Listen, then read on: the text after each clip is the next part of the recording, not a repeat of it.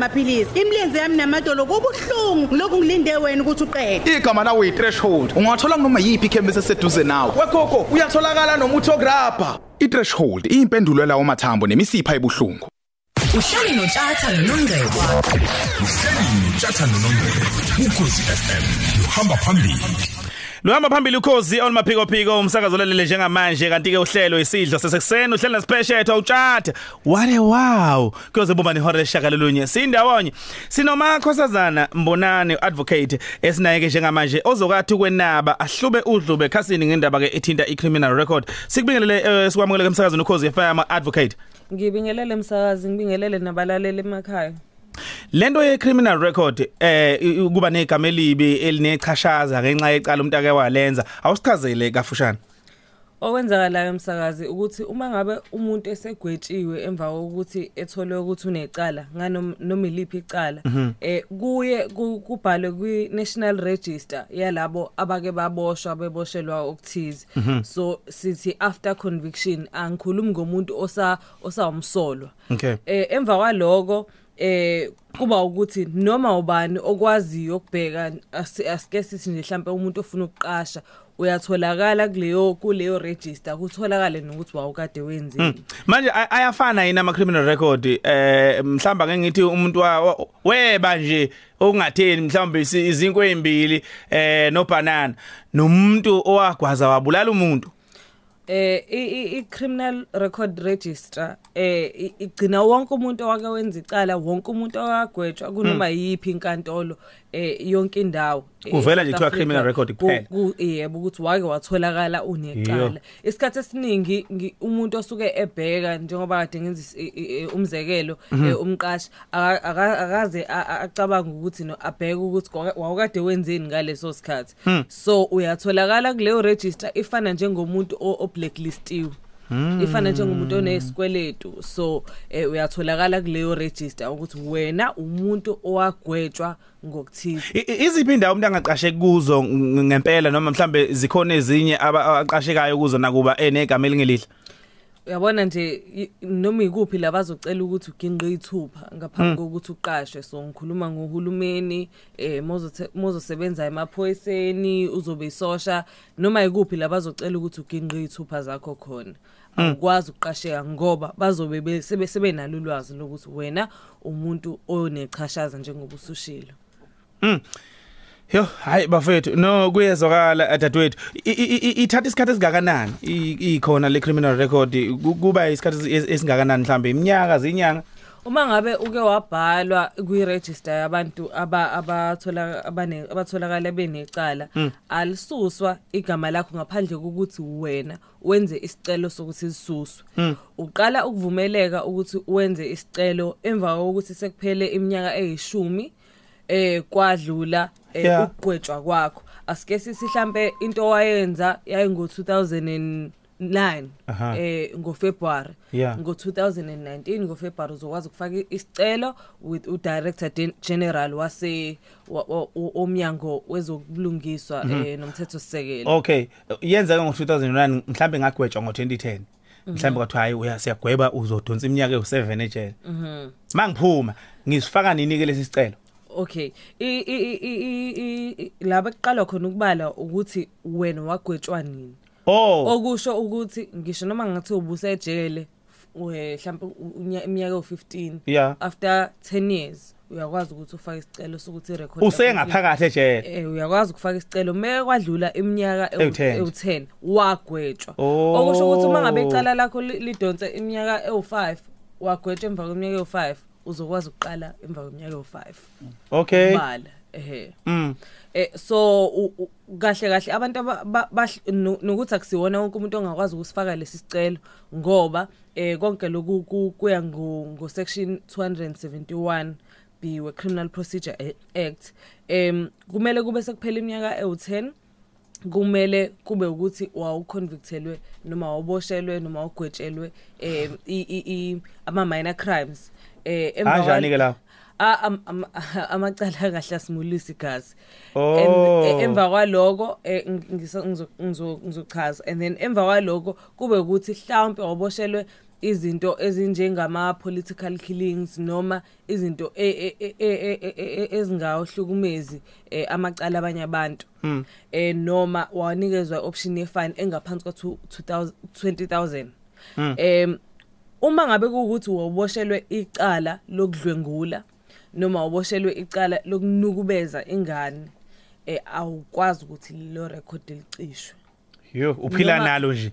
uyoze uyoshona egodini. Ma kutholakala ukuthi umuntu ke u- ubeqanshelwa manga eh njengoba siyasibona abanye khona insizwa nje la ecishe iphume isidonsa iminyaka ye12 ayanda sesikhuluma naye eh kwatholakala ukuthi ya- ya- yayi kade iboshelwa amanqine enyathi nje ayikaze idlwengule. Kuthiwani lapha Eh njengoba eh, ngoba naye idedelo singakapheli isigwebo sawo ngenxa ukuthi kutholakala ubufakazi bokuthi ayikwenzanga lokho. Nalowo ekade sengemithi eseyisholo yena cha ngangikade kuthiwa ngisho mina. Yeah lo uzokwazi ukufaka isicelo licishwe irecord lakhe. Kodwa ke okubalekile ukuthi kuyicala ukuthi u-accuse umuntu. Noma unuke umuntu lokudlwengula ngoba eli- elibucaye ngalendlela lokuthi likubopha izandla nenyawo impilo yakho uzushona egodini. Okusho ukuthi angiyacabanga ukuthi sijwayele ukubona ukuthi mhlawumbe umama uxabene nalowo muntu atshena ingane ukuthi yenze okuthize. Yebo. Eh, icala elibovu lelo. Lowo muntu lowo angabhekana lisengadla yena icala. Yebo. No kuyezwakala. Ake sizwe ama voice note abalali bethu banemibuzo lapha nokuphawula kwabo o- o- okuhlukahlukene njengoba besithumelele ku 0716136667 napa. Sanibona cousin. Ukhuluma noSizwa wamthetho. Eh ngisemlazi. Kasi ngicela ukubuza lana. Nginamacala mhlawumbe o5 ahlukene. Ukubanjwa nomthunzi weinkukhu. Ukutholakala ngiphuza la ngafanele ngiphuzele khona namanye nje acisha afane nalowo. Manje lamacala asemadala.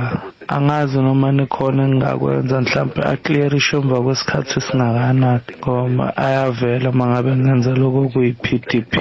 mina ngokwamkhize isibongo ngo-anonymous so ngaboshwa ngenza 10 years and then ngathi uma ngiphuma lapho ngisebenza i-security amakhampani but inkinga yama-fingerprint yona iyinkinga ngoba noma usukumele uyowaclearisha bathi kunalokhu okuthiwa i-expungement ma uboshwe wangagwetshwa ma ugwetshiwe kunalokhu abathi pardon. So kuyahlupha kakhulu lokho ngoba bathi kumele ugcwalise i-forms kufuneke ikhansela kufuneke umfundisi and then uyodlula e-ofisini likamongameli. So ngajabula kakhulu uma engangiphendula lapho. Eh sanibona lapho chata inkinga mina ngaboshwa ngabo 25 kodwa nje ngahlala mhlambe 3 days kanje etoxini ngaphinde futhi ngelinye ilanga cishe kulonyaka odlule loya ophelile. Hayi lo siwa kona kuloya nakhona ngaphinde ngaboshwa nakhona cishe ngahlala bo 3 days 2 days. So hey manje selokhu bathe ngizama ukucisha ithupha lapha enkantolo lapha lapha emtuba ngakithi. Hey lokhu ngigqozela nakhona makungigqozela gcine nje ngibe nalowo nkinga kungabuyi ima message ukuthi kunjani njani. So sengicela ukubuza ukuthi mangavele ngisuke straight ngiye le la ePitori straight ngithi ngiyoyiklina khona yini mhlawumbe engadingeka noma ngafanele ngifike nje mina ngiyimqobo ne-ID yami Sanibonani cousin. Mina ngupekula igama lami. Nginenkinga la. Ngine criminal record engafuni ukusuka. And i criminal record yakhona yayi- yayikade iqale ngo1997. Ngicabanga ukuthi ingaphezulu kwa 20 years manje. Ngiyenzile yonke imizamo ngiyenzile. Ayipheli le criminal record. Ngiyile go applya ukuthi ngicela icishwe bangichitha bangitshela ukuthi i-expungement ayingifanele ngifanele i-presidential pardon ngenza yonke into babuya bangitshela ukuthi mina ngikwazi ukuthola i-criminal record because i was sentenced in imprisonment so bengicela ukubuza ukuthi kufanele ngenze kanjani ngoba sengiyithola nguwum-south africa ongenawo amalungelo kule kuleli zwe ngihleli kulona. Cela ukubuza kufanele ngenze njani. Uphekula lo Um advocate Mbonani kubonakala kunzima indaba ethinta icriminal record. Ungathini ukuphawula kwakho njengoba abalali bethu sebethe bana lembuzo abanayo? ngiyacabanga ukuthi inkinga enkulu ukuthi abantu abazi ukuthi kumele aqale ukuthi umuntu kumele aqale phi mangabe ukuthi ufuna ukuyicisha icriminal record Mhm. eh ngizoke ngithinte nje ku- kuloku abalaleli abakubuzile Yeah. eh u- umthetho okhuluma ngendaba yokuthi unenkinga ngoba ne-PDP akayitholi ngenxa ye-clearance Mhm. ngicabanga ukuthi nabanye bazothola bazoyithola impendulo yabo wonke umuntu owake wagwetshwa hayi wakwaboshwa ngoba ngizwile u- u- u-anonymous ukuthi wake waboshwa 3 days lapha nalapha ukuboshwa kufakwa esitokisini eh, loko it- it- a- a- a- usungagwetshwanga so umuntu ongagwetshwanga akufanele engabe ukhona vele kwirecord Mm. so asidluleke lokho Okay. kodwa uma ukuthi wake wagwetshwa ngisho noma ngithiwa ubugwetshelwe i-drinking and driving it doesn't matter eh uma ngabe sekuphele iminyaka ewu10 unalo ilungelo lokuthi ususwe ngaphandle mangabe kuwukuthi umuntu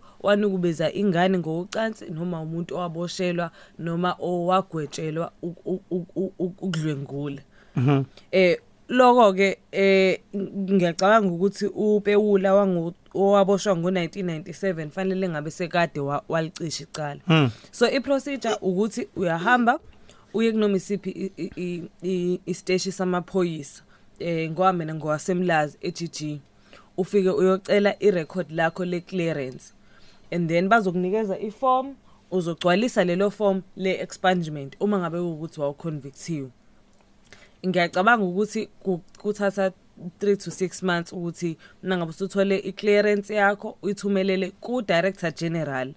Ah u director general womnyango eh we- we- wezokulungiswa nomthethosisekelo Mhm. uma ngabe kuukuthi sebabheka ukuthi waboshwa nini awuphindanga futhi wona emva kwaloko eh ufuna ukuthi cishelwe irecord kuba yiloko nje Mm. and then uyithole expungement yakho noma ucishwa Okay. kwegama lakho kuleyo register lo okuthiwa udinga i-presidential pa- pardon akuthi azange azachaze kahle kahle kodwa ngaphandle mangabe kuwukuthi udlwengulile noma unukubeze ingane ngokocansi wonke umuntu unalelungelo lokuthi bese kuphele iminyaka Ewu-10. e- eyishumi Mhm. uma ngabe kuwukuthi awukakazi uphinde futhi wone eh noma wenza into efanayo within law 10 years noma uphindanga futhi wagwetshwa uma ngabe kuwukuthi